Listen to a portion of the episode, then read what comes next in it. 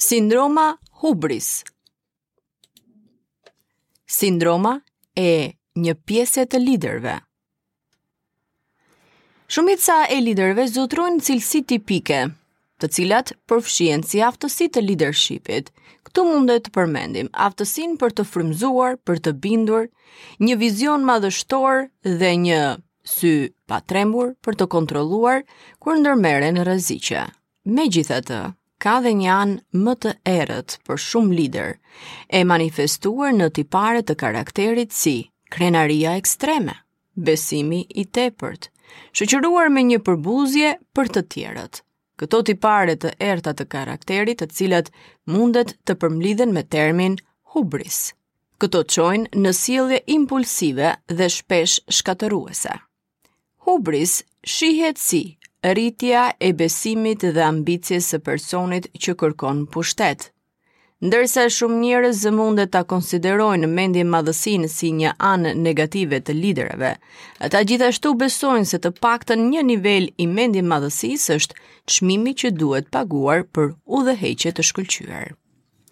Lord Owen, një ish mjek, politikan dhe sekretar i jashtëm britanik, nga viti 1977 deri në 79-ën dhe anëtar i Dhomës së Lordëve, dhe psikiatri Jonathan Davidson i Qendrës Mjekësore në Universitetin Duke ofrojnë një pikëpamje të ndryshme për arrogancën duke përshkruar atë si një sindrom. Ashtu si me çdo sindrom, sindroma hubris manifestohet përmes një sërë simptomash dhe nxitet nga një shkas që është fuqia. Tiparet hubristike dhe sindroma hubris shfaqen pas marrjes së pushtetit. Shumë prej 14 simptomave të sindromës hubris të identifikuara nga Owen dhe Davidson përfshijnë përdorimi i pushtetit për vetëlavdërim, një fokus pothuajse obsesiv në imazhin personal, vetëbesimi i tepërt i shoqëruar me përbuzje dhe këto kur jepen nga të tjerët.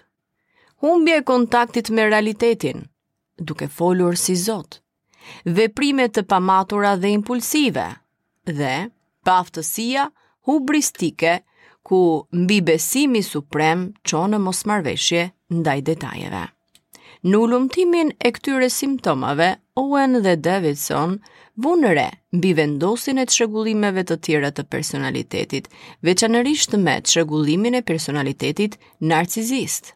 7 nga 14 simptomat janë gjithashtu simptoma të narcizizmit dhe dy simptoma janë të përbashkëta me çrregullimin e personalitetit antisocial dhe çrregullimin e personalitetit histrionik.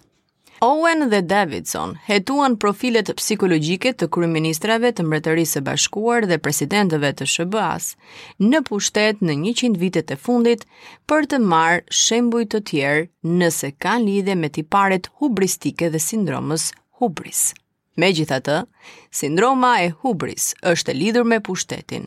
Kështu çdo person në pozita të pushtetit thelbësor mund të jenë dhe ata të cilët janë CEO të korporatave, drejtues apo edhe të tjerë që kanë nën zotim një pronë apo një biznes.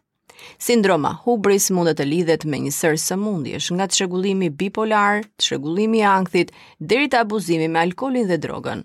Udhëheqësit hubristë do të mohojnë që ata janë hubristë, gjë që pengon diagnostikimin e problemeve. Megjithatë, në botën e biznesit, bordet e drejtorëve dhe madje edhe kolegët menaxherialë duhet të qëndrojnë vigjilentë për sjelljen dhe qëndrimet e CEO-ve, madje dhe drejtuesve të tjerë të lartë me qendra pushteti.